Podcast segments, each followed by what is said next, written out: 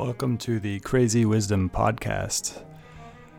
This podcast doesn't really have a specific theme. Uh, it covers a lot of my interests, it co- covers a lot of other people's interests. It goes into philosophy, spirituality, business, uh, how to live a good life, many different things. Ultimately, I don't believe in having themes for the things that we do. We can categorize the things, and obviously, we categorize things all the time. Uh, but I like to keep things open ended, a continuous process of discovering the truth as it is. Uh, and the truth is tricky because we can't really get to the truth uh, exactly because the truth is nonlinear. It is, in the words of John Vervaeke, combinatorially explosive. Uh, even the truth of this window that I'm looking at, the window itself, the glass that makes up the window is combinatorially explosive. The cup that holds your water is combinatorially explosive. You cannot model that cup totally in your head. You're only getting an image of it in with your eyes and your brain. That's not the actual cup itself.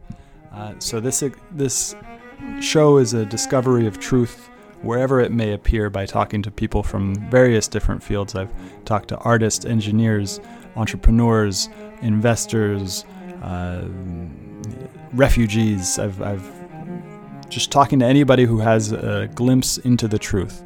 Uh, and through this conversation, through this mutual inquiry into what is true, what is real, hopefully we get to something that is helpful for to you.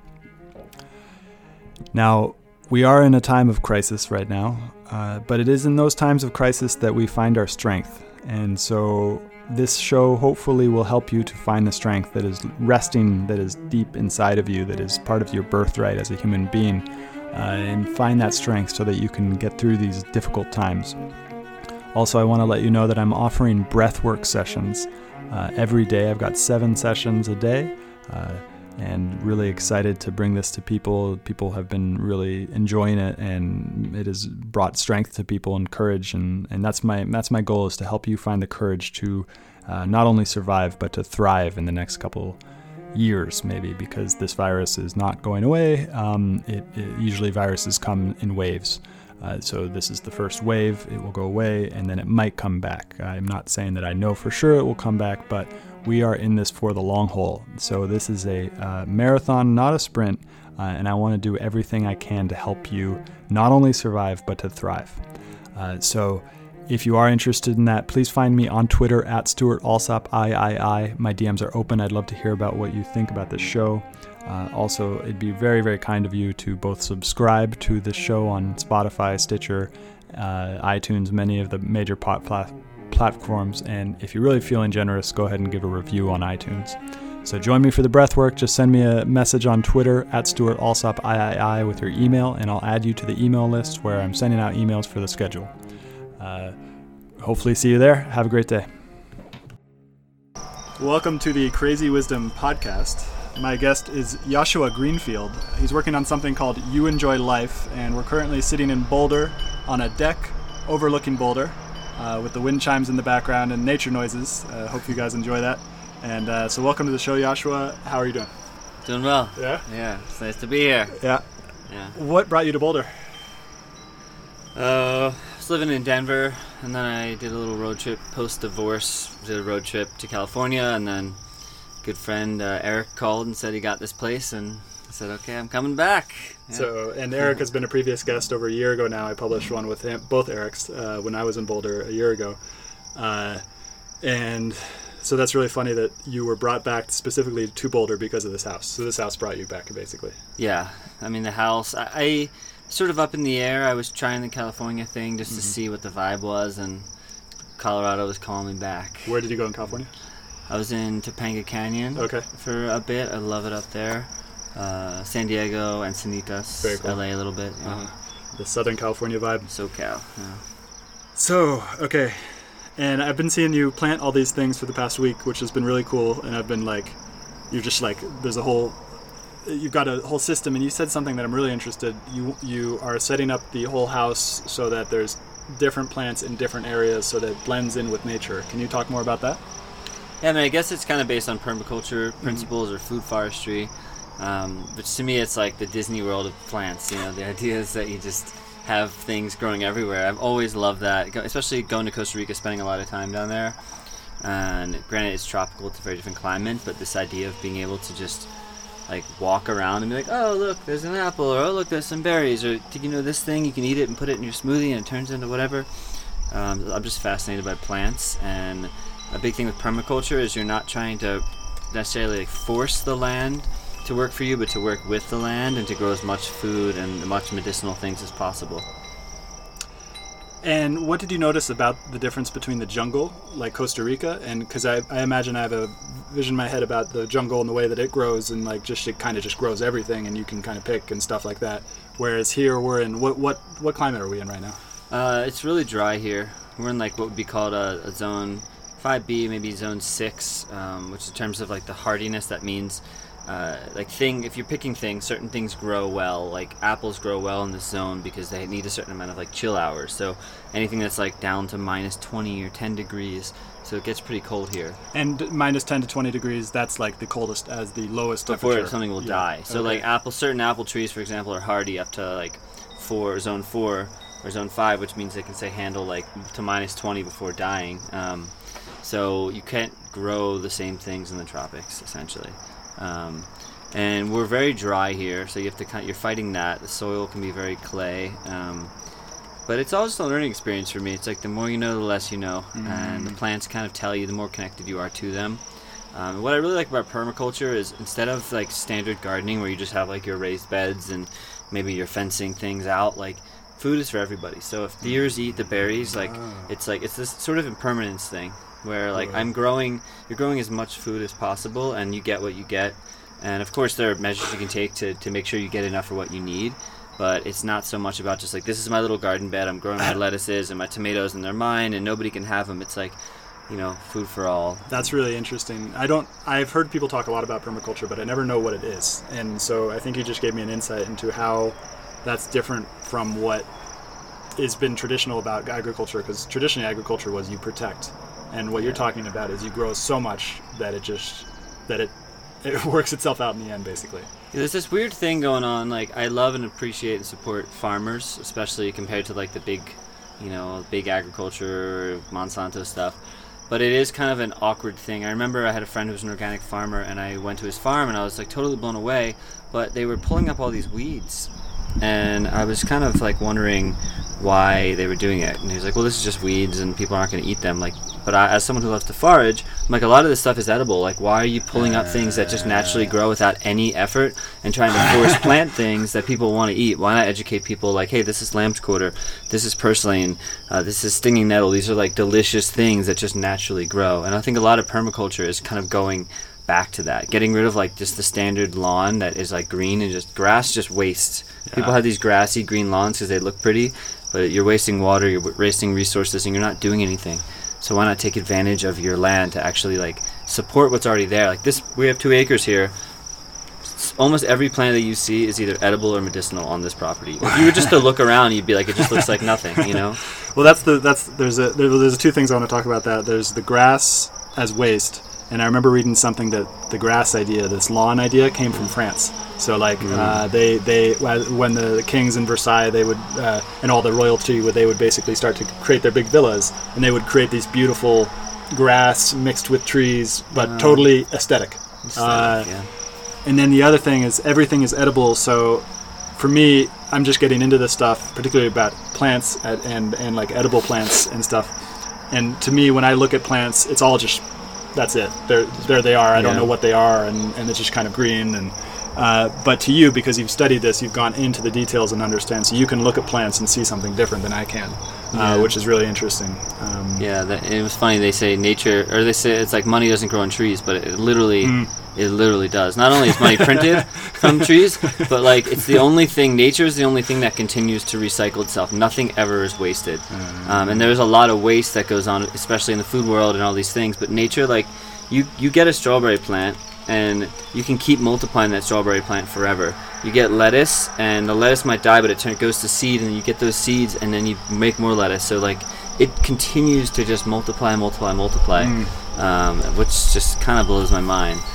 And and then when something like quote unquote dies, it's not death. Um, I was doing a uh, little video the other day from my Instagram about like planting and how there is no death in nature. Like they, the, nature knows that death is not a real thing. It's just the recycling of energy. Something quote unquote like dies, but it's just transferring energy to another thing to then feed that thing to grow. And it's like, it's pretty cool. I think as humans we have this concept of separation and Mm-hmm. we Well, get that, so separate. yeah, we can go into there because the what dies when we what dies when we die. You know, it's like the thing the thing that I think I am most of the time that dies, but I don't. And to that thing, um, death is really scary, but it's like I don't know what happens after that because we like yeah. yeah, yeah. the, we have the senses; those will die. Our connection with the senses will die. But is there something else that doesn't die in us? To me, there's only one death: ego death. That's the only death that's possible. The uh, the illusion of death, because I don't death. And we, you talked a little bit about this yesterday. This sort of non-dualistic thing.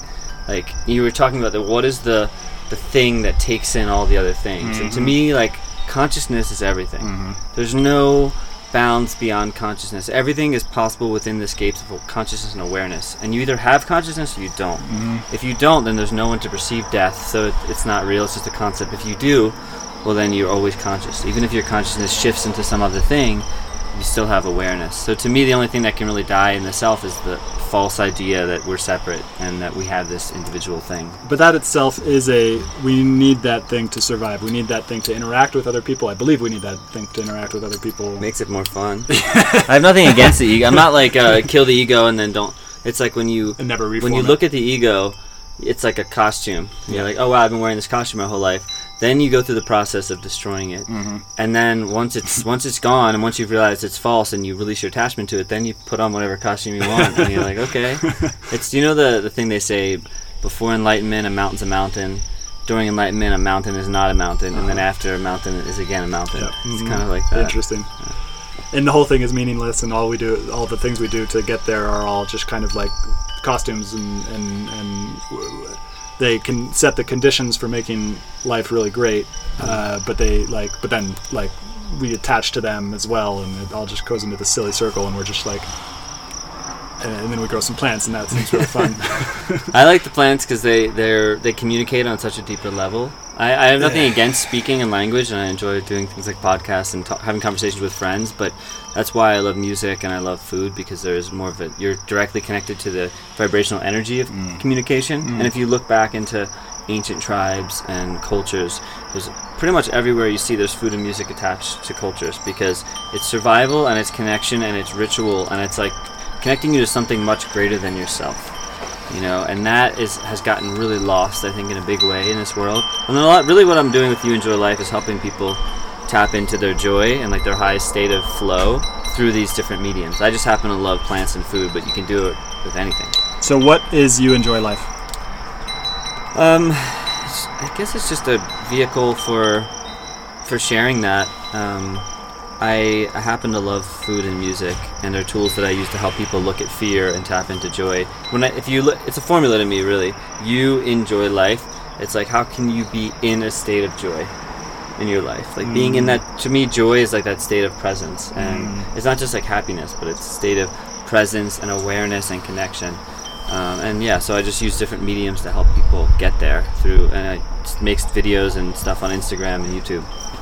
And how do plants communicate?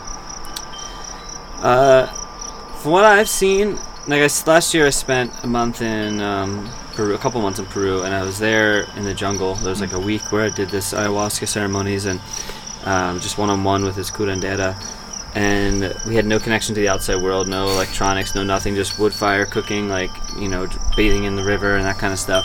And I started to notice, I thought that I would get bored because I forgot to bring a book. I didn't really have anything to do. I didn't have my guitar on me or anything. I thought I would get really bored.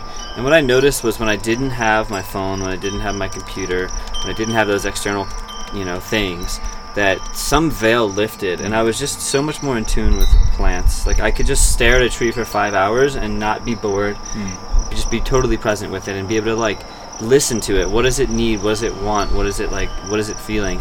So maybe it's some sort of energetic auric connection Um, but that's how I experience these plants now. I can just look at them and kind of know what they're going through. And if I don't know something, I can ask a friend or look something up. But it's it's like this really subtle communication that maybe gets lost when we're too connected to technology and that kind of stuff. Interesting. And then w- when we consume plants, we communicate with them as well. I think. Yeah. The, for, for sure, that happens when we uh, ingest cannabis of in any sort. And I just learned from Iboga that roots. I mean, I learned from kava the first first time I took kava. That that I learned what a root is like, and then Iboga is a very different root. And actually, those two roots are very um, contraindicated. So you don't want to take Iboga and and kava at the Really? same time. Um, uh, but yeah, the the and that the Iboga is a very grounding experience, which makes sense because it's a root. At the same time, it's like a tree of life, like fucking like blow your mind in every way possible. You can't figure it out. It's ineffable. Um, Sounds fun. Let's do it. yeah. And what have you learned from ingesting plants? Because ayahuasca is a whole other thing, and I've done it once. And honestly, I've, I have a lot of fear over over anxiety uh, over, um, ayahuasca because that rocked my world in a way that was not that was very difficult to ground um, and to integrate. Um, and uh, yeah, um, yeah, I get that. yeah, Um, first off, I mostly, for me, psilocybin and marijuana, um, and some other plant medicines. That's really the only thing, the only medicines in general, and I've taken in the last like ten years. No pharmaceuticals or nothing. Um, but I think that we've evolved with these plants, and they're inside of us. oh, interesting. And I used to think that there was a separation, like, oh, I'm taking this thing that's going to put me in this space. But the more I do, especially with like microdosing and, and just kind of getting to know mushrooms in a, a more subtle way, like this is a piece of me that's allowing me to like tap into these things that maybe society has kind of pulled me away from. Um, ayahuasca, I see as very symbolic. Every like plant medicine has its own thing. Ayahuasca to me is symbolic. It uses our ideas, visions, beliefs to craft these stories that were then taken through. I don't think it's necessarily something where you're like uh, you're pulling up past traumatic experience in a very very like real like seeing the visual of that thing so much as like whether it's snakes or like I turned into a mosquito and I like had this mosquito energy and I learned all this this inf- this sacred information about mosquitoes that had never been released before and it's like whoa. And so I hmm. think that what it does is it crafts a story for you. Mm. And then after it's hmm. over then you have to work through that. Okay what does it mean? The reason I saw that is because I did in May, I did ayahuasca by myself with it one on one, and then I went back and I was teaching voice during an ayahuasca retreat, like had a voice activation, vocal release. And so I had a group of 11 people, and everyone was sharing. And some people, like their arm turned into this one guy's arm, you know, turns into this like sword of destiny, and he's like fighting demons. And somebody else turns into like an animal, and and other people have these very physical things, and um, and kind of these dream like states. And and then I ex- compared that to mushrooms where i feel like mushrooms is more like tapping into you can have visuals and stuff but it's more tapping into the what is. Like i saw visions of some uh, sexual trauma that i experienced as a child and when i unlocked that i unlocked this huge piece of myself and um, that led to a lot of this like going through divorce and change and kind of name change and sort of destroying the concept of gender and all these things um, so yeah mushrooms has been the most powerful for me even though ayahuasca is They're sneaky. Mushrooms Yeah. are really sneaky. They're, they're like they're subtle and earthy and groundy, and they'll like they'll they'll flip things really quickly. But I have found the most. I feel the most safety. I would say with with mushrooms. Um, You're special yeah, they are. And ayahuasca is, is interesting because what you just said about the images and beliefs. There's a church called Santo Daime, which you might already be familiar with. They, they, so they're a they're a Brazilian church, um, and they had a synchronistic mixing of Christianity and what they learned from ayahuasca and the and the indigenous down there. So a slave, basically, the Brazil also had slavery, and and a slave went into the forest uh, or went into the jungle, found these roots. Or I, he might he might have been uh, I might be getting this wrong, but he might have he might have gotten the plant from the indigenous down there, uh, and then he went on a vision quest with this stuff. Saw Jesus. Jesus basically gave him uh, gave him the teaching that you need to go out and create this religion called Santo Daime, and uh, so he created this uh, religion that's based off of the of, of Christianity and what they learn from ayahuasca, uh, and it's and it's legal in Brazil to do to do ayahuasca in this context. It's actually legal in the United States as well to do it within the context of Santo Daime because it's a religion and the religion has its has its thing from from ayahuasca, Wow. uh, and that was a, that's really interesting for me. Um, Santo Daime. Yeah. Yeah. yeah, You know what I what I experienced the second time. So the first time I did ayahuasca it blew my mind. Took I was you know was shown the kingdom of every, all the things you know all the visual wild experiences, purging. Then I went back, did this mushroom ceremony with now my ex-wife, and unlocked all these pieces of myself, made all these changes. Then I didn't have plans to do ayahuasca again, but I was hired to come back and teach, and I could sit for five ceremonies. So I was coming in from a different perspective, and what I noticed was like the the ceremonies I had no purging, hmm. I had no visions. I just felt really good and felt like almost more of a trip, like this sort of celebratory. when you were thing. leading. Well, no, I wasn't even. I wasn't leading the ceremonies, but I was there. Okay. Basically, I was there to support the group in their voice. So after ceremonies, we would do these singing things. Before ceremonies, I would lead like workshops and stuff. Um, but I was not there like assisting or, or serving medicine. But I was there taking it, and I saw because I had like cleared out all this fear in my life and kind of tapped into truth and, and released this trauma that when I went back to the medicine, it was all the illusions were now gone. All the symbolism was gone. I just felt like I was tripping and like in this just very loving, peaceful state. So it seems like um, with medicine you can get to a place. There's some people that are like always doing it like you know hundreds and hundreds of times but i feel like if you really implement the work and you listen to the teachings you get to a place where you're just like okay i'm good yeah, now you know? yeah, it doesn't yeah. mean maybe one day need, again but like i feel like i'm clear in that regard Yeah. ayahuasca showed me what it needed to and now Now you don't need it. That's the coolest life. thing. Yeah, yeah. Yeah. It's the, mo- it's the most interesting thing, and they're and that's the thing about plants.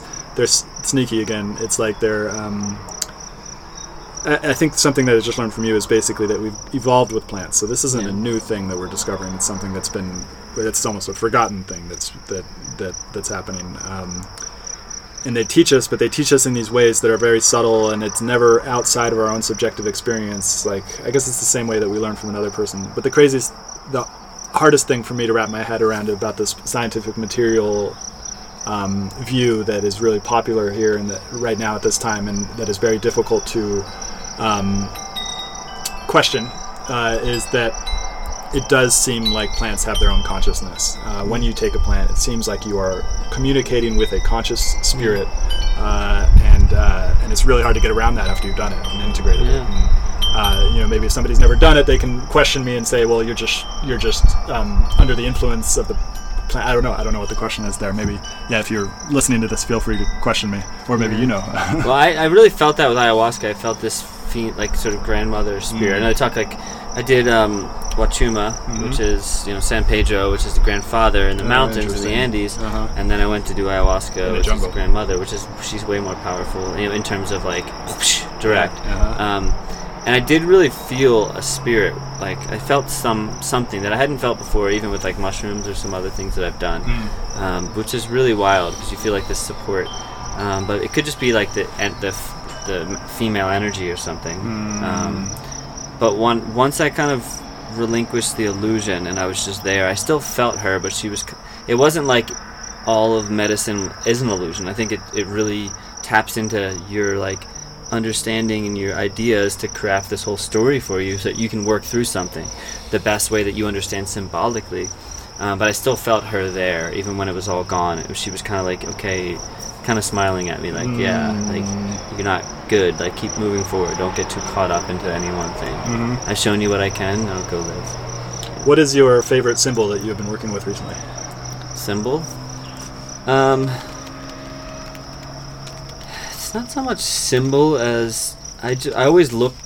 To me, consciousness is symbolic. Everything because we think that we are living this physical life, but you know, even quantum physics and things like that, and holograms, holographic universe. I don't know if you know that kind of stuff, but great book. Um, but it's like we every piece of us contains the whole of the universe. We're all entirely connected. So when i look at the world as like i'm this separate individual from the ego state all i see is just separation. This person's got that and why don't i have that? And they're more successful they have more money and they have a beautiful house. But when i look from the connected perspective um, it's all symbolic because i realize that like every morsel of existence is placed exactly where it needs to be for me. So I can learn I can learn as much from a blade of grass as I can from the most like elevated guru in the world if Yeah. I'm just present because Yeah. there's as much to teach me. And if I get too caught up in the material, then I miss the whole point. Yeah. Yeah. Yeah, yeah, yeah. Uh, yeah. Hmm. It's funny because, like, I imagine that babies have a similar way of looking at the world. With, well, and that's how we learn. We learn through symbols, and we learn through all these different things. And and it seems like a, a baby is like open and just like, and then makes different, you know, like uses tools and then makes different symbols about what that tool means and then and then has these relationships with these bigger things that are just like you know can be tyrants but can be like also like uh, uh, beautiful individuals and stuff like that and uh, and then they just uh, learn all, all the stuff and it creates these stories in their heads and then we you know that's and that's what we turn into how do you work with this like there is an inner child and then there is the inner adult how do you work with that balance between inner child and inner adult Yeah, they gotta be friends. Um, We did a tarot read, Zen tarot last night, and my last card that came up, like the future, was uh, innocence, and it's a picture of this really old man, kind of like not like guru looking, but just kind of like wise, old, just playful, cheerful man. There's a praying mantis on his hand. He's just like looking at it and smiling and just in such joy. And um, one one thing that card really represents to me is like there's childhood innocence, which people talk about. Like, how do we get back to that childhood innocence? But being a child, you're kind of this helpless thing. You know, you're, you're completely reliant on other people. As you grow, as you face challenges, you have things happen to you, and then you face challenges. And as you overcome them, we have these experiences, and we learn, and we can then be the adult. And I think it's the merging of those two worlds that leads back to this innocent state. And I said, I was like, I can't wait to be the old man with the beard who's just like chilling and like smiling and everything's good and life just makes sense because I've gone through everything and it's just fun. And, and in a lot of ways, I already I feel like that now. Um, so I think part of it's this vision of just like ha- being old gray and having the character fit the physical Yeah, yeah. what people see yeah I saw that on a mushroom ceremony I did a few months ago. It was like a micro one, but I saw this vision of like me as an old man, and I wasn't like it was very mild. So it was like I was looking into uh, my glasses, and it just like half my face looked completely wrinkled and old, and I was like, wow, um, I'm an old man now, and. I think it's the merging of those two worlds, being able to be in a state of innocence, but having enough experience to actually function and survive and, and do the things you need to do. Um, and when I was doing Wachuma, I had this moment of like hugging myself, and I was just like in this deep hug with myself, and I saw there was a little boy inside that's scared. And when I've been able to deal with these traumas, it's because I've recognized that there's a little scared boy inside who experienced trauma as a kid. But now there's an adult. So when I go through the process of it, when I visualize it and I relive it as an adult, I'm like, oh, it's not that bad. Like I could, hmm. and all those things that happened to me now as an adult, I'd be totally fine. So it's like the comforting of the child, and then the child can comfort when the adult gets too rigid. It's the child can come out and be like, hey, just chill out and have fun. uh-huh They're, they're kind of both in there now, and it's it's nice. and one at some points one of them takes over do you ever get to the point where one of them takes over and it's unconscious and it, it leads to behavior that you probably if you were looking back in the, as an adult you wouldn't want to do Yeah, I'm sure. Uh, there's definitely things. Sometimes, like I, sometimes I find myself being maybe more controlling than I'd like to be, or something, and just like, why am I like trying to control? Um, I think what happens, eh, there's this common misconception in my experience that what we think of as like awakening or enlightenment is like this state where you're this elevated perfect guru and you're floating above the earth slightly, you know, and like you eat just like rice and you wear a robe and you have no possessions and you have all the wisdom and everything's perfect. And I think that's that's the illusion that keeps people from ever actually waking up. Interesting. Because it becomes too big. It becomes this false idol thing. It's like the Buddha, you know, when you see the Buddha on the road, you know, cut his head off, Mhm. right? And and I think that uh, I've kind of recognized that within myself where like just because you wake up to truth and you see what the reality of life is doesn't mean that like in one hand you're done like you've broken the illusion of all the false that you've been told but then you still have there's still plenty of things to do things to Yeah. learn about yourself from this new state there's nothing really beyond that there's no state of perfection that you necessarily are going to like just attain by working harder and one day. You're like oh i've done it. No like we're emotional creatures and i'm here to have the full emotional spectrum. I'm not trying to pretend like i'm perfect. And I, i've done that before. When i first got into like buddhism and stuff and thought like i could just teach everybody and then people started seeing me as like the guru and i'm like wait a minute that's not it's not real. Uh-huh. You know, we all are our own gurus and uh, Yeah, and the illusion process never stops. I don't think the illusion process ever stops because of that symbolic consciousness thing that you were, you were talking about. That just continues like until you die. Like there's no there's no escaping it as long as you're in a human body and as long as you totally identify with that human body or even partially identify it with it. Yeah. And um, uh, it's just gonna always be there until you die, and then and then who knows? yeah, and it gives you what it does though is it when you it's like I I like to use the Matrix as a perfect example of the movie. It's like and I just put a video about this on YouTube about um, simulation theory and how this Mhm. all ties into. You should Uh, talk to. You should go on the Simulation Theory podcast. Oh, Uh, yeah? yeah, with Alan Sakian. Interesting. Yeah, Well, my, my basic, my like, uh, uh, for me, there's a lot of questions about simulation theory, and, and I think there, there's pieces of simulation theory that are correct, but not in the way we think. Not some supercomputer. To me, it's consciousness. It's like when we change our own internal programming, the world, the programming of the world changes outside, externally. Yeah. And so it's kind of like a simulation when, when you change the things, you know, when you do the, the things that make you tweak inside, well, then your simulation now shows up, and you can manifest, and you can have all these powers. Um, but I, I, I like the Matrix as that example of like, here's this guy who, you know, Neo it knows something's not quite right about the world, and then one day he's given like a glimpse of it. If he, hmm. if he was just, if Morpheus came to any random person, they'd be like, "You're crazy, get out of here." But because he, there's a piece of him inside that knew That something knew, wasn't yeah, right, yeah. he's like the Matrix, right? Yeah. And then that sends him on this journey. He takes the red pill and he sees the truth of reality. It doesn't mean that that the real world is any better. It doesn't mean it's better. For a lot of people, living in the illusion is like being asleep in the dream is beautiful, right? Hmm. Um, but then he wakes up from it and he's like, okay, I want to experience truth. and that's kind of how I see the awakening process. It doesn't mean life is just suddenly easier, but now you have a new lens to look at things through, and you have these new sort of powers and abilities to navigate that and to look at yourself and to go through all the traumas and all the pain and all the stuff from this new perspective. And that's how we actually can continue to grow and evolve and all that fun stuff. and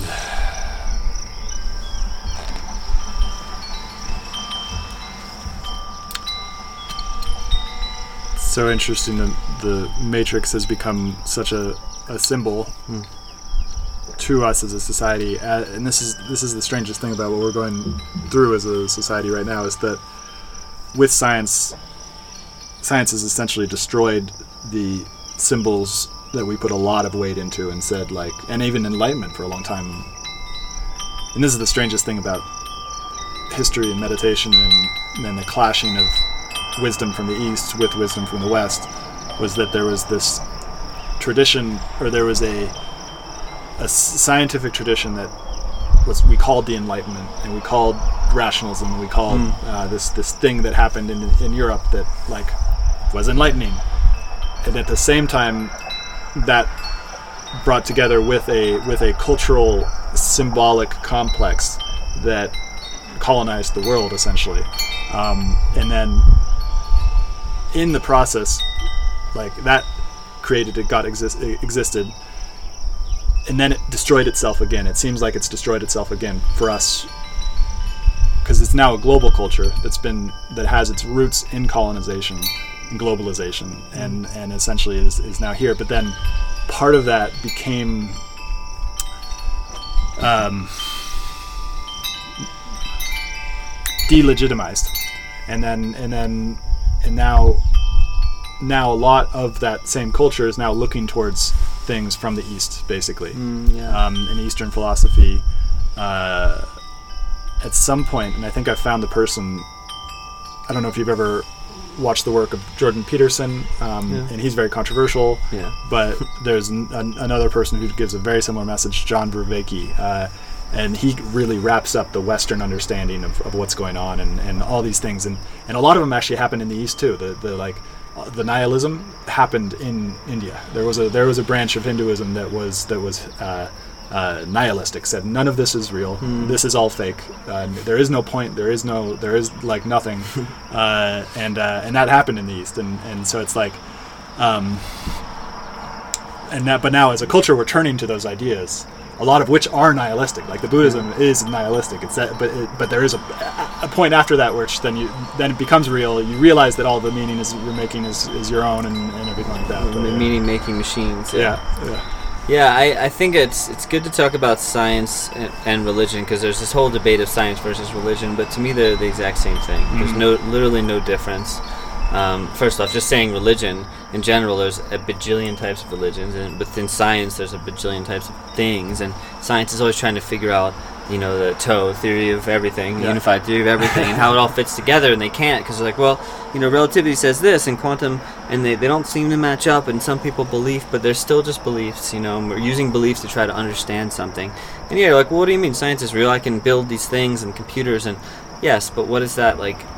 Why? You know, what's Yeah. what's the ultimate point? You know, Uh-huh. what is the why of that? And well, I've just seen science has kind of become like the new religion, but it's like almost this double blind thing where people are like, well, religion's not real because you have to believe based on faith. So we're going to believe in science because it's based on facts. but it's also based on faith. It's faith. It's 100% faith Yeah. because there's no everything is theory. Nothing Yeah. is. They say, like, well, this this sci- there's scientific proof. That doesn't mean it's proven. Yeah. It's it's proven in like a controlled setting. yeah. Yeah. There's evidence and there's like this is the leading theory until it's not. Yeah. And it's kind of like one of my favorite books, 1984. It's like this double think thing where we accept that something is true because right now it's the truest we've got.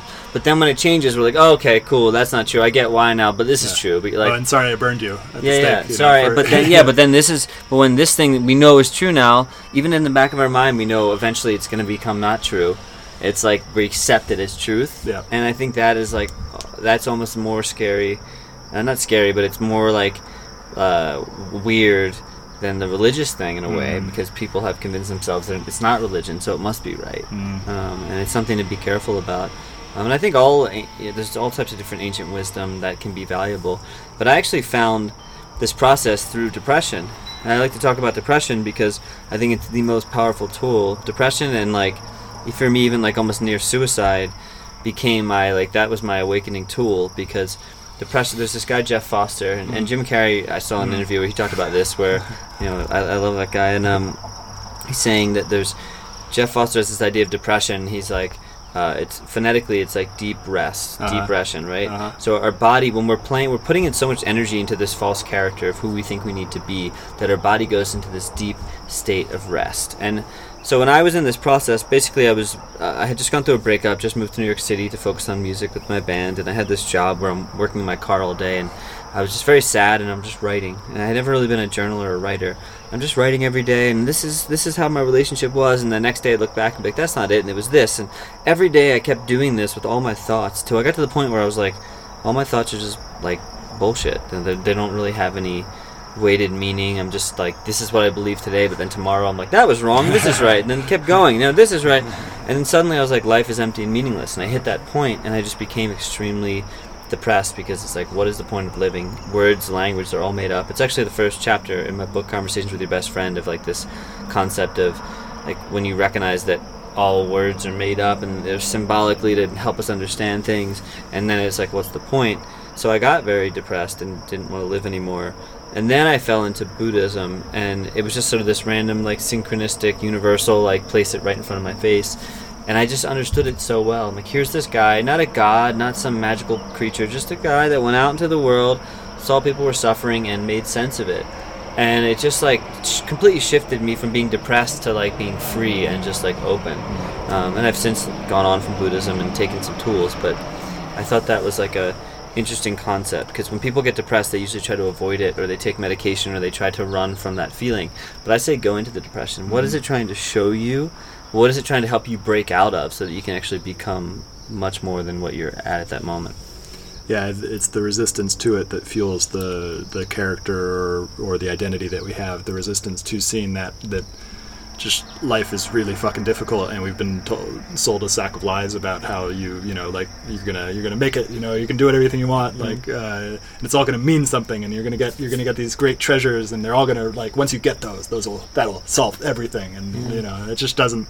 It just it, none of it ever just due to human biology. It's like there's this great book. Um, uh, by Robert Sapolsky, uh, who talks about dopamine and the way that dopamine works in our system. It's uh, that we learn things, and when we learn it, there's a shot of dopamine when we get that reward that we're looking for when we learn that that thing that we want to learn, um, and then it's uh, and then we adapt to it, and then and then um, so we're always looking for the reward value and its and its comparison towards alternative outcomes. So, so whenever we're doing something, we're always looking at the alternative outcomes of what we could get.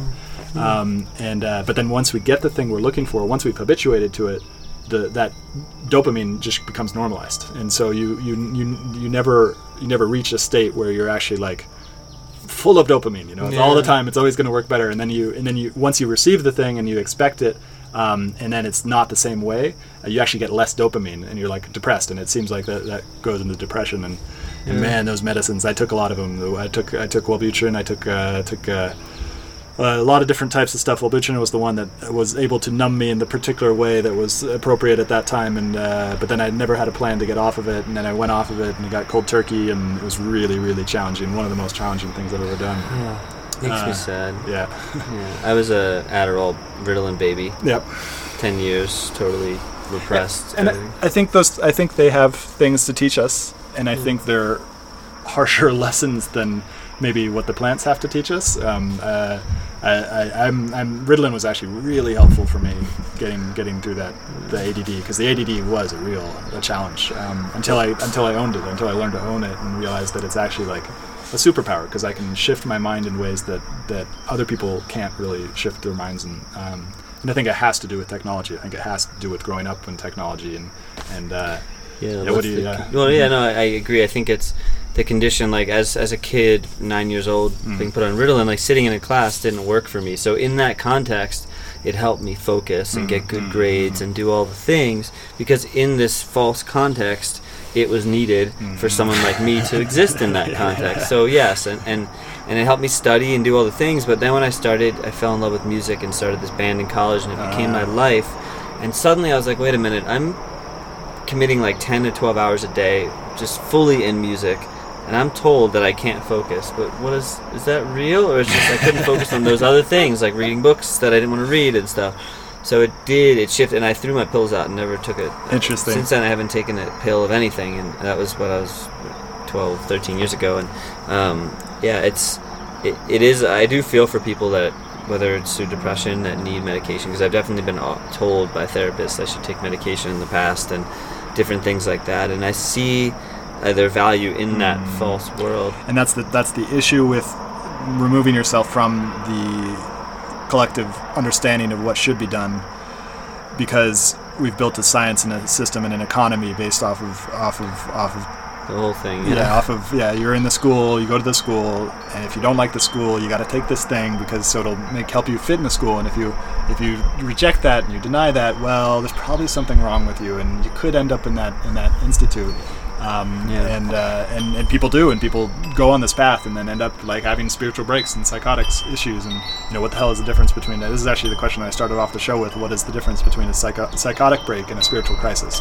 oh yeah i wanted to you like somehow we were all in a conversation last night and i Yeah. came out with some people and it is like they're like oh he had a psychotic break i'm like or did he just wake up to truth and other people don't get it Yeah. you know and that's that's another thing that's like but there is delusion. There is like there is delusion in that Sure. si- in that spiritual, and I saw that in, in him. He was he was deluded. Um, uh, But I uh, wonder if like that would be like is it almost the body's natural response to like just being fed up with this false world? Mhm. Like it can come in a way where you're really clear. But I think like and a reason that I wrote the book is because I was grateful to find the right books and resources when I was like going through this deep state of depression. I could have been seen as just a crazy person and like I think that happens to a lot of people where they don't have a context. They wake up and they're like this Yeah, is all exactly, bullshit. Exactly, yeah, and yeah, then it's like and then that might cause them to freak out and go so crazy and seem insane. But if they had the right tool or someone telling them it's the wisdom tradition. So this is this is uh, this is what John Vervaeke talks about is that we science killed the wisdom traditions. So Mm. we had we had we had these wisdom tra- west in the west we had these wisdom traditions as well. You, it was a it was a religion. You you had the everybody grew went came came on Sunday. Everybody prayed to the thing. Everybody agreed on the thing, and that was all it. And that, you know, it's like we don't want to go back to that. Like, and, and, and there is a move to go back to that um, because I was just reading about a Native American tribe in, in, in the place where I'm going to move, and um, and they killed twins because they thought twins were evil, and, and it's like we don't want to go back to that that it's like almost an entirely right brain type of situation where you're and this is something that been Robert Sapolsky goes into a lot in groups. When we have in groups and out groups uh, a tribe was an in group. And so when you're in in that part of that tribe you were golden um, uh, until you know until you were considered a heretic or until you became part of that out group. Um, and and you see this with the Native Americans, like people when the when the Westerners came to Maine or or uh, uh, or um, Massachusetts, they, they they would have their structures would be hard because they didn't know what to do. They didn't know how to plant. They didn't know how to live in those lives. It was cold, and then these guys who were living there before knew how to do all that stuff, having a great time as long as they were part of that tribe. And so they actually would be captured and they would actually join the tribe and then and then like try to they, and then they would try, get captured and they would no no no I want to go back to the tribe and stuff like that um, but then the tribes themselves were doing gnarly shit to anybody who considered an outgroup like they would be scalping the westerners they would be doing all this horrible shit so there's this in-group out-group thing that just happens and that, that happens a lot in tribes that happens a lot in these kind of like uh, states, and now it's happening again for people. I, I was part of this Facebook group in, in Nevada City. It's conscious, uh, a conscious community, uh, and uh, and they had, they had, um, they decided that there are too many people from outside coming now, and so they closed off the of the thing, and now it's a local it's a local group for conscious housing basically because there's there's too many people coming in, which maybe maybe that maybe that was the right thing to do. I don't know. Uh, I forgot where we, where we where we started with this, but. Um, oh yeah, wisdom tradition. Yeah, wisdom, tradition, tradition. too. So without without that wisdom tradition, so we've got to build a new one basically. And We're in the Mm. process. We're in the very beginning processes of doing that. That that int- that can maybe integrate with science. I think that's the hardest challenge. How does it look for you? I think what you guys are doing here, um, yeah, like houses. I think what we're going to see is similar to what happened in the 1960s. Hopefully, a little bit more grounded, um, and hopefully a little bit less um, uh, ungrounded. That's the only word I would say. It's like, yeah, Yeah, that makes sense. yeah, Yeah, I think that there.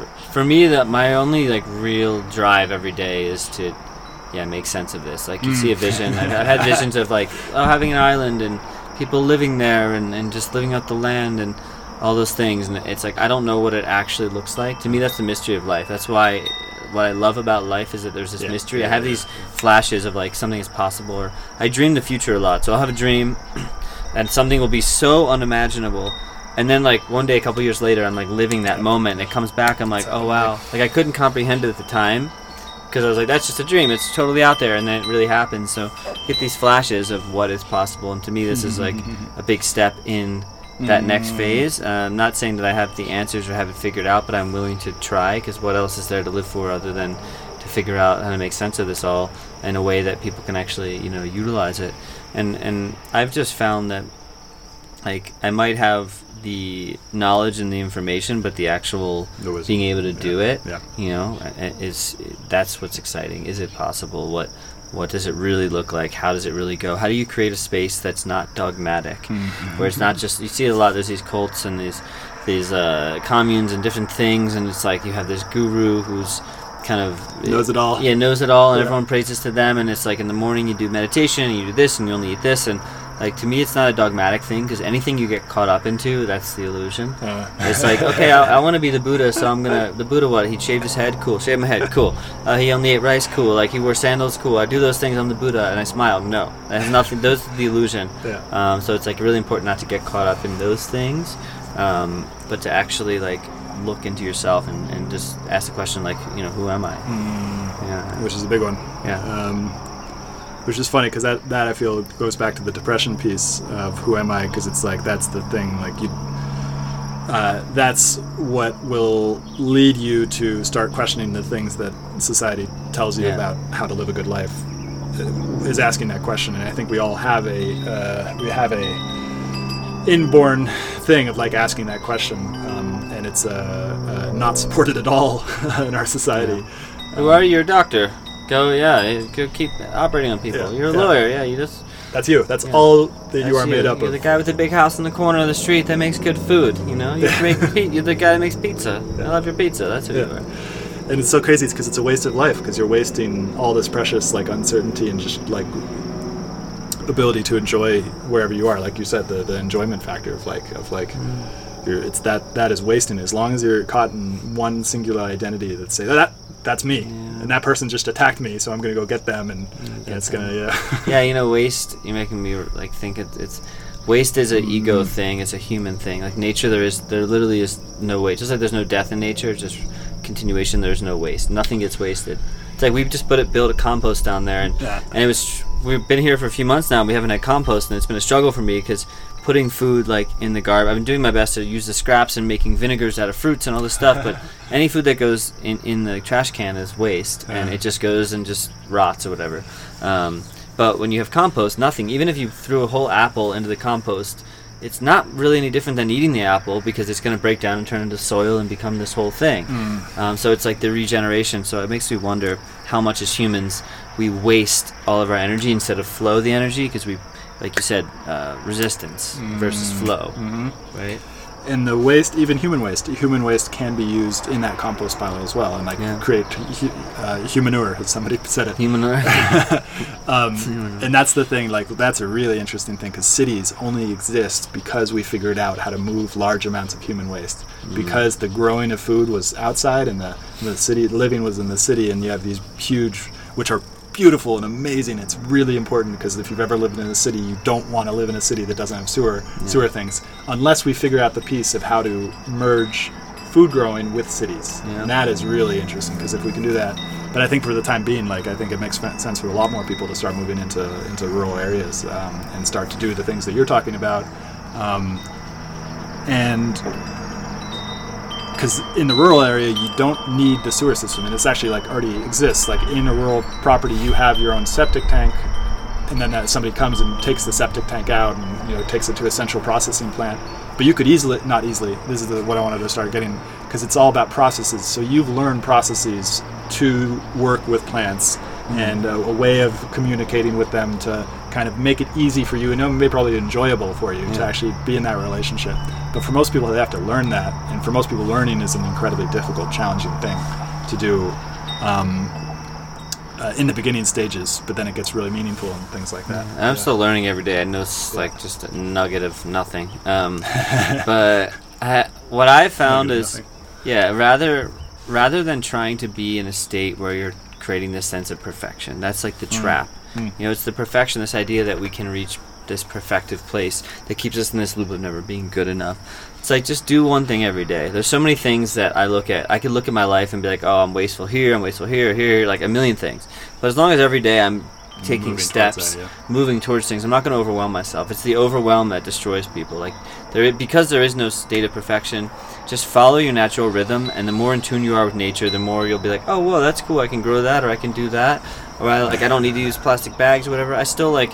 I, I'm like on my final phases of Ziploc bags. I'm like, well, I grew up using Ziploc bags. What's the alternative? And it's like, mm. I'm not going to kill myself over trying to like figure out an alternative. But as they're presented to me, I'm going to obviously take them up. Um, and I think some people are more radical. Um, Yeah. There's this guy Rob Greenfield.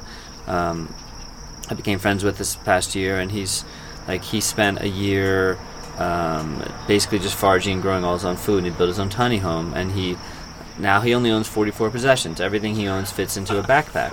Everything really. He's like for the same shirt, and he only, he pretty much goes barefoot everywhere. And, like and so he's like in this radical state. And I think that's people like that. That's super awesome. But I would never guilt or shame somebody. Yeah, try to make not- somebody do that for because that not would be being yeah for, it's different for everybody and like I, i'm just here to share what i'm learning what i'm going through and we can all speak to somebody else um, but if you are out there and you're feeling overwhelmed by it like even if you don't have a property like put a couple plants in a windowsill take like you if you look um, if you look in your pantry uh, a friend of mine veronica flores she's great she has a youtube channel um, she just did this video on like she's like you probably don't realize but open your pantry like if you have coriander seeds um, or any kind of seeds like if you have wheat you have lentils like beans like you can sprout those things you can take something that is dried that seems like it's dead and you can literally sprout it and turn it back into life and that's a lot of the stuff here is like just stuff that has been planted from something that was dried in the in the pantry you know? interesting. yeah like you can grow cilantro from some coriander seeds and you know you're probably using it as a spice not even thinking that there's life in there Uh-huh. you know Interesting. Um, so I feel like this is a good time. Well, so there's waste. There's, one, there's a few more questions I had about waste. So we'll, we'll take about five more minutes. And so if there's one thing you could suggest somebody to look at in terms of waste or reframing their understanding of what waste is, what would it be? Um,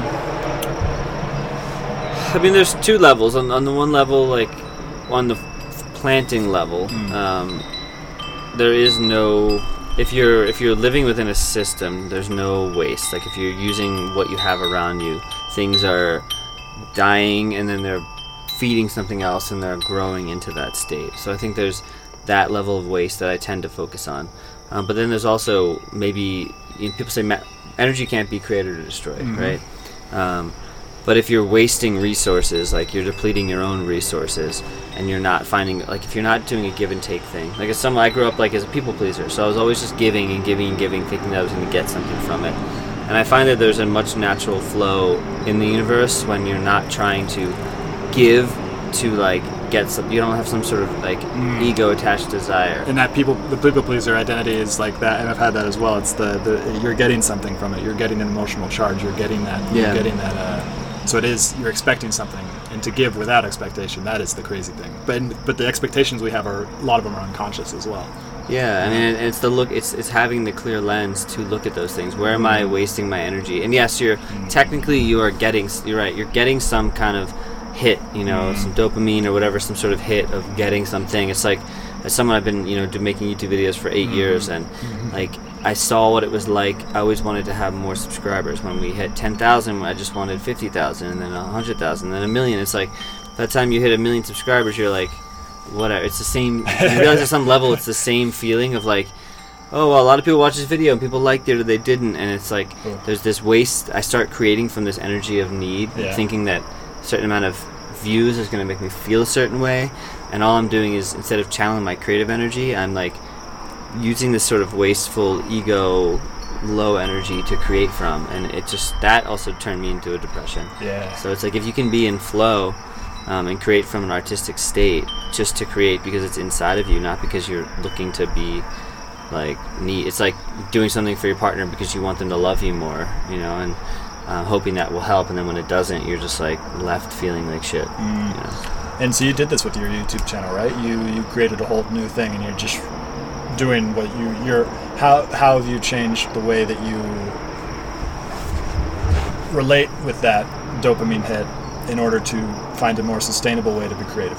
When I saw, I used to do this thing called Brothers Green, um, which I sold last year, and um, to my brother, we were doing it together. And I was, when I first started out, I felt really free. I was just creating whatever I wanted to, whatever felt good in the moment. But then eventually, I fell into the trap. The more subscribers we had, the more brand deals, all the things, the bigger we got. I started creating this state of like I need to be someone and, and this is what people expected me and, and I need to compete with these other channels and I was creating videos out of that egoic need for something and I never really felt good Yeah. because you feel But you good guys for a good at minute. it, though. Yeah, we were good at it. We did well, but it, I was creating from a place of like it just it felt like a low vibrational place. It, not all the time, but at some point I hit that where I was just like, this is what expected of me. This is the videos that do well, even if I'm not passionate about them. So you enjoy life has been this conscious thing of just creating whatever I feel like in the moment and trusting that if I make a video that gets people to unsubscribe or dislike, that's okay. That's actually a good thing because that means I'm just being authentic. I'm not trying to please everybody. So now when I create, I just turn on the camera and just do whatever feels right in that moment, mm-hmm. and then I just put it out. I don't overthink it. I don't overthink the thumbnail or the marketing and stuff. and and because I want to just create, I want to share directly from the place that I'm at, and then let it go. It's Yeah. that's the you put it out and then you let it go. Well, the minute it's like my book. The minute I put it out, it's not mine anymore. I don't need to defend my words. I don't need to like try to convince anybody of anything. People can make up whatever meaning they want. I have no attachment to those words. They're they're gone. They're out of me, and yeah. Very cool. So if that spoke to you, check out "You Enjoy Life" uh, and "Conversations with Your Best Friend" by Joshua Greenfield. So thank you so much for coming on the show. This was so much fun. Thank you for having me, Yeah, Stewart. yeah. That was great. Hope you enjoyed this episode. I'll be publishing episodes every Monday, Wednesday, and Friday in the morning. If you did enjoy this episode, please find us on iTunes, Spotify, Stitcher, many of the major podcasting platforms, and go ahead and give us a review. And also subscribe. And as always, I'm on Twitter at Stewart Alsop III. Come join the conversation as we aim towards the truth. And the funny thing about truth is that you can't really put it into words because every time you put the truth into words, you create a linear narrative out of something that is nonlinear. The truth is nonlinear. It's not. It's it's. If you really recognize the truth right now, your mind wouldn't know what to do. It'd be overwhelmed by beauty and pain, or it's it's something that is beyond our linguistic capability to represent. But that doesn't mean that the language isn't helpful. Language can point us in the direct right direction, but it's it's not it's not the truth itself. And so come join this collective inquiry into the truth. Find me on Twitter at Stewart Alsop III. Uh, subscribe to the podcast. Share the podcast with your friends. Uh, most people don't have the ability to let go of this linguistic understanding of the way that the world works and just aim for the truth regardless of what the language tells us. Uh, and so I think what I'm doing with this the show is is necessary for us because as we enter this stage of uncertainty uh, and we are most definitely entering an age of uncertainty. And as we do, it's really, really important that we stop paying attention to what the mind is telling us all doesn't mean to say that the mind doesn't have its place. The mind obviously has its place, but it's just one of the senses. It's just one of the tools that we can use. We can use the mind, we can use the feelings, we can use our actual senses. Uh, we can check our intuition with other people because sometimes the intuition tells us the wrong thing as well. Sometimes the intuition is wrong. So it, we can't we can't rely on any one tool to get us there. So come join the show. Find us on iTunes. Find us on Twitter at Stewart Alsop III, uh, and come join the, this inquiry for truth.